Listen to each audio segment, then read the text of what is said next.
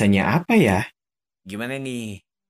Rasanya di kurang lebih satu bulan kali ya. Pada work from home. Atau kalau gue ya karena ngajar sebagai dosen uh, mengajar dari rumah. Rasanya kalau buat gue sekarang cukup dilema ya. Karena mahasiswa gue ini kan dikategorikan sebagai milenial gitu di situ punya kayak keyakinan oke okay, gue mau bikin tim project gitu. Dan berharap mereka akan banyak berkreativitas. Tapi mereka ini kayak meragukan gitu. Makanya kadang mikir juga ini millennials tuh apa cuma di Jakarta doang? Atau di tempat gue doang? Gitu yang emang belum kelihatan gairah millennials ya makanya uh, sekarang gue pengen share juga obrolan uh, gue dengan teman lama. Namanya Arhigia Caesar. Dulu kita satu kampus. Kemudian uh, dia kerja di BUMN mudah-mudahan disponsorin ya namanya BPJS Ketenaga Kerjaan gitu. Jadi biasa tuh. Kayak keliling-keliling ke beberapa tempat dan pasti berkebaga milenials milenials oh ya dia juga S2 nya ngambil uh, Learning and Development di UCL waduh juga cukup kira-kira? Igen kita aja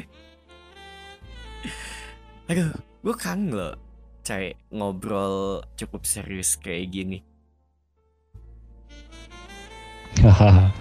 Iya sih Kang. Uh, sama aku juga kadang nggak apa ya jarang udah lama nggak diskusi kaitannya sama ya ini kan apa ya psikologi pendidikan gitu ya. Yoi. Dan sekarang gue penasaran sih sebenarnya uh, tentang si millennials ini ya. Kalau di pandangan lo sendiri uh, dengan kasus gue tadi itu apa sih yang salah dengan atau ada apa dengan millennials sebenarnya based on uh, keilmuan lo atau pengalaman lo selama di dunia industri gitu? Oke, pertanyaannya luar biasa. itu uh, be honest, itu juga apa ya kegelisahanku uh, ketika berkecimpung di uh, uh, dunia learning and development ya, khususnya ketika misalnya uh, ngobrolin soal generasi di tempat kerja gitu aku juga bahas juga soal uh, perbedaan generasi tempat kerja waktu di uh, waktu uh, ngajar psikologi industri gitu kan. Tapi uh, aku mau mulai dari kegelisahanku dulu. Jadi sebenarnya aku juga dari awal sudah mempertanyakan, emang iya uh, generasi milenial di Indonesia ini sama dengan generasi milenial yang ada di textbook yang mana notabene mereka berkiblat ke dunia barat yang mungkin oke okay lah uh, in spesifik mungkin uh, Amerika gitu ya. Apa iya kita sama dengan mereka gitu ya? Karena aku nggak nggak jauh-jauh gitu ya. Aku ngelihatnya misalnya teman-temanku yang di kampung gitu ya yang mungkin seumuran sama aku gitu kan. Boro-boro misalnya dia uh, uh, uh, punya budaya misalnya nongkrong di kafe uh, uh, ngerjain kerjaan di laptop gitu kan. Boro-boro gitu kan mereka aja untuk hidup sehari-hari aja susah gitu kan. Untuk makan mikir makan aja susah gitu kan. Apalagi untuk beli sekedar beli kopi dan menikmati wifi dan ngerjain kerjaan gitu loh. So hipotesisku waktu itu ya oke okay, mungkin memang yang dimaksud generasi milenial yang sesuai dengan textbook adalah generasi milenial yang hanya ada di kota-kota aja gitu kan. Oke okay, let's say misalnya uh, Jakarta gitu ya Bandung dan lain-lain but then aku menemukan satu buku judulnya generasi P jadi itu tuh uh, nanti aku uh, kirim linknya deh generasi P itu uh, dia uh, banyak bahas soal generasi milenial yang ada di Indonesia. Jadi uh, dia berangkat uh, ini ini based on data, based on research yang dia lakukan di beberapa daerah di Indonesia gitu ya. Dan dia menemukan bahwa memang even even bukan hanya soal generasi Indonesia itu berbeda dengan generasi eh sorry bukan hanya generasi milenial Indonesia itu berbeda dari generasi milenial yang ada di textbook itu, tapi bahkan di Indonesia setiap daerah pun punya ciri khas masing-masing gitu. Yang aku ingat misalnya bagaimana kemudian uh, pemuda Garut gitu ya, milenial Garut itu uh, tidak mau dibilang tidak mau dibilang uh, uh, generasi milenialnya Bandung gitu. Begitu juga dengan generasi milenial Bandung tidak mau dengan dibilang generasi milenialnya uh, Garut misalnya contohnya seperti itu gitu. Mereka punya apa ya identitas sendiri-sendiri gitu. Nanti mungkin akan bisa baca lebih dalam soal buku itu. Tapi buku itu menarik sih bahwa kayak seolah-olah menjawab pertanyaanku selama ini bahwa iya memang generasi kita berbeda gitu. Milenial di Indonesia itu berbeda dengan di Indonesia. Oh, langsung dikawarin buku ya. Nah, terus kalau di korporasi sendiri kayak gimana?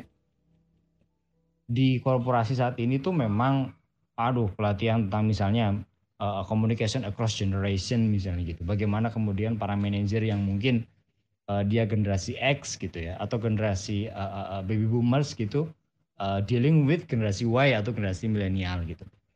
Uh, itu banyak banget dibahas di berbagai macam pelatihan tapi kemudian yang aku lihat setidaknya ya berkaca dari uh, tempat kerjaku gitu ya unfortunately tidak semua generasi milenial itu punya kesempatan gitu. Jadi sometimes atasannya ah kadang kalau tuh udah terhimpit dengan target misalnya gitu ya. Ah bodoh amat dengan generasi milenial dan lain-lain gitu ya. Yang mana mereka yang penting tercapai targetnya dengan uh, treatment yang mereka tahu atau mereka kuasai gitu. Yang mana mungkin tidak uh, millennial friendly ibaratnya gitu. Um, belum lagi misalnya kemudian kalau uh, bertabrakan dengan apa ya budaya-budaya korporasi yang sudah cukup kolonial yang yang mana generasi milenial baru masuk dia pun pasti akan mikir nih kalau misalnya mendobrak budaya itu dia konsekuensinya misalnya uh, di PHK misalnya dan lain-lain So mungkin jawabanku gimana caranya untuk bisa men-trigger mereka untuk bisa aktif, kreatif dan lain-lain itu ya kasih kesempatan sih gitu. Nah justru di sini nih dilemanya, Cai. Jika kita emang ngasih kesempatan kepada teman-teman millennials ini untuk banyak berkreasi dan berinovasi gitu ya. Yang gue rasain agak mandek ya inisiatifnya kurang gitu untuk bertanya kalaupun dia nggak tahu kenapa dia nggak nanya gitu itu yang selalu di pertanyaan gue dan kayak dinamikanya itu uh, nggak bikin greget gitu.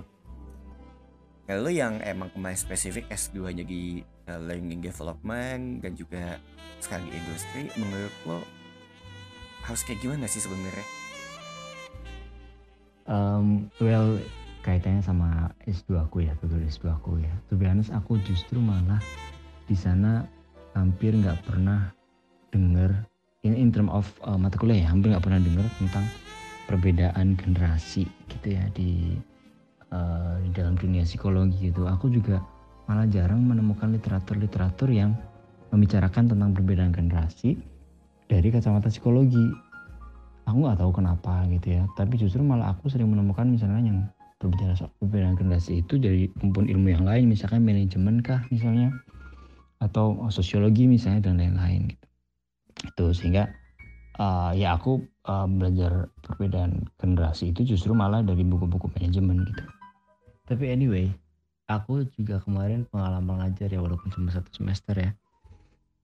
Yang mungkin notabene juga termasuk uh, generasi milenial atau bahkan mungkin generasi uh, apa sih habis milenial aku lupa. Generasi Z ya gitu. Karena kan ya mereka rata-rata lahiran tahun nah, aku lupa lah. Tapi intinya kayaknya generasi Z gitu.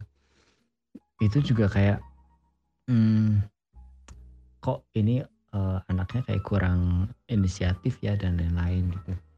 Cuman aku kok jadi mikir atau jangan-jangan itu juga tergantung dengan tipe orangnya ya. Dalam artian ya oh, tipe kepribadiannya misalnya dan lain-lain. Atau juga motivasi juga pasti berpengaruh juga di situ gitu. Nah kaitannya dengan karakteristik generasi milenial itu kan lebih kepada menurutku ya. Kayaknya ya aku lagi mencoba mencari hipotesisnya. Kayaknya lebih kepada tentang misalnya cara pandang hidup gak sih gitu. Misalnya bagaimana uh, generasi milenial itu uh, apa namanya sekarang udah banyak yang instan ya udahlah kalau ada yang instan ngapain harus repot-repot gitu. Misalnya gitu gitu. Atau uh, apa namanya uh, udah ada internet sekarang ngapain sih harus berangkat ke kantor gitu kan di rumah aja juga udah bisa kerja ibaratnya kan gitu. Jadi mungkin kayak cara pandang uh, generasi milenial itu terhadap dunia gitu. Nah aku menarik kalau ngomongin generasi milenial gitu ya bahwa uh, aku satu waktu nggak tahu sih ini nyambung atau enggak gitu ya satu waktu uh, pernah wawancara gitu ya di salah satu BUMN gitu ya intinya aku ditanya tentang pendapatku tentang generasi milenial gitu ya. Yang sebenarnya si si wawancara ini bilang bahwa dia kurang begitu suka dikategorikan atau ada pengkategorisasian antara generasi milenial, generasi X dan lain-lain. Karena menurut dia generasi milenial itu kayak ya udah lu kalau suka dikerjain kalau nggak suka lu pergi ibaratnya gitu. Karena kan katanya generasi milenial itu kayak aku loncat gitu loh. Nggak akan bertahan lama di satu perusahaan gitu. Nah uh, aku nggak tahu sih ini relatif atau enggak gitu ya tapi aku melihat ini satu cara pandang gitu uh, terhadap dunia gitu. aku akhirnya kemudian setuju dengan bapak itu bahwa ya betul uh, karakteristik generasi milenial itu juga akan akan jadi sia-sia kalau generasi milenialnya tidak punya daya juang, tidak punya motivasi untuk maju atau tidak punya inisiatif sama sekali gitu. Karena menurutku itu justru engine-nya gitu. Tetap tetap bagaimanapun faktor psikologi atau faktor kepribadian gitu ya. Uh, atau bukan kepribadian apa sih istilahnya? uh, intinya gitu lah ya. Uh, faktor diri itu juga juga sangat berpengaruh gitu terhadap uh, uh, apa performa dari generasi milenial itu gitu nggak sih kalau menurutku tetap itu tetap tidak bisa dihilangkan sih Eh kayak pas lo uh, banyak cerita tentang uh, millennials dan juga kayak gue menarik sih pas lo bilang generasi V itu ya langsung coba-coba browsing dan nanti linknya bakal gue kasih di ini juga sih di uh, description. Uh, mungkin salah satu perbedaan utamanya sih kalau millennials di uh, gue bisa bilang ya kayak di beberapa daerah tertentu lah ya non Jakarta bisa jadi karena gak kebiasa punya ambisi kali ya.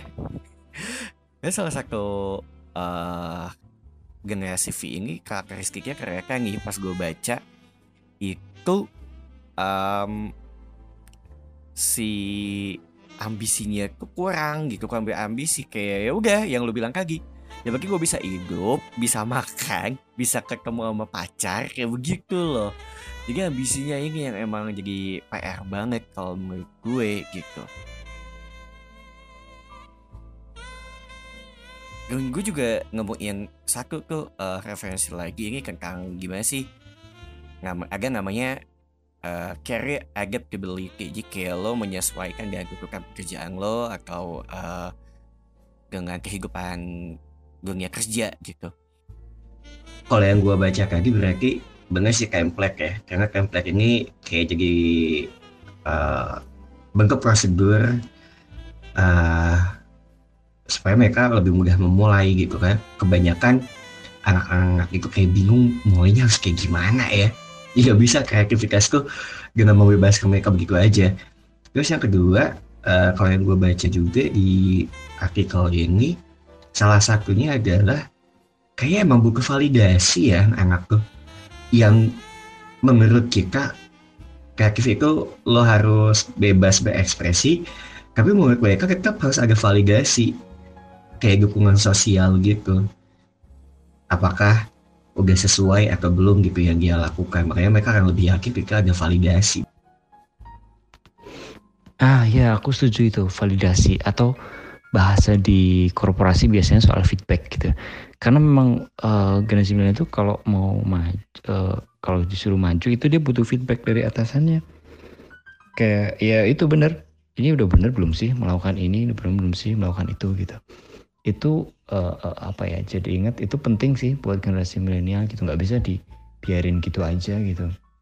Uh, even uh, aku kemudian berkaca ketika misalkan masa-masa onboarding gitu atau masa-masa on job training ketika masuk awal masuk korporasi gitu ya itu pun kayak aku let's say aku kan ya masuk ke dalam generasi milenial gitu ya aku tuh juga perlu apa ya uh, standar yang pasti di dalam satu perusahaan gitu loh kayak harus bersikap kayak gimana behave kayak gimana dan lain-lain sehingga aku nantinya akan bisa menyesuaikan diri gitu. Itu tetap harus ada meskipun mungkin kita punya nilai-nilai tersendiri dari generasi milenial gitu ya tapi itu juga menurutku harus ada. Mungkin konteksnya dalam hal ini adalah template itu gitu. Maybe ya. Atau mungkin kalau misalkan konteksnya template oke okay, kita kasih template tapi mungkin kita harus kasih uh, uh, direction misalnya uh, kalian boleh bebas mengembangkan apa pun dari template ini misalnya gitu. Itu kayak semacam uh, apa sih uh, apa sih basic guideline gitu buat mereka ngerjain. Iya juga ya kita kan sama-sama milenial sebenarnya. Coba karena uh, status pekerjaan aja mungkin dia berasa ada obsesi untuk ayo dong kejukin gairah milenial lo. But anyway berarti clear ya uh, ketika uh, kita ngomongin milenial rasa kolonial ini emang jadi PR juga sih buat gue rasanya sebagai dosen kalau uh, sebagai uh, tim leader di perusahaannya harus kita juga harus lebih kreatif untuk membuat pancingan-pancingan ke mereka gitu kan. Dan yang selalu dilupakan sih kayaknya ngasih feedback itu. Ya dia emang harus rajin-rajin nanya kemajuannya. Kalau emang mereka butuh masukan dikasih masukan gitu. Kalau di bahasa kita kan ada yang namanya coaching gitu kan. Bisa jadi ini yang emang sampai sekarang jadi PR itu supaya ngebantu betul kita yang milenial ini lebih muncul gairahnya. Sebagai milenials yang diigam-igamkan bahwa mereka kan bisa bikin perubahan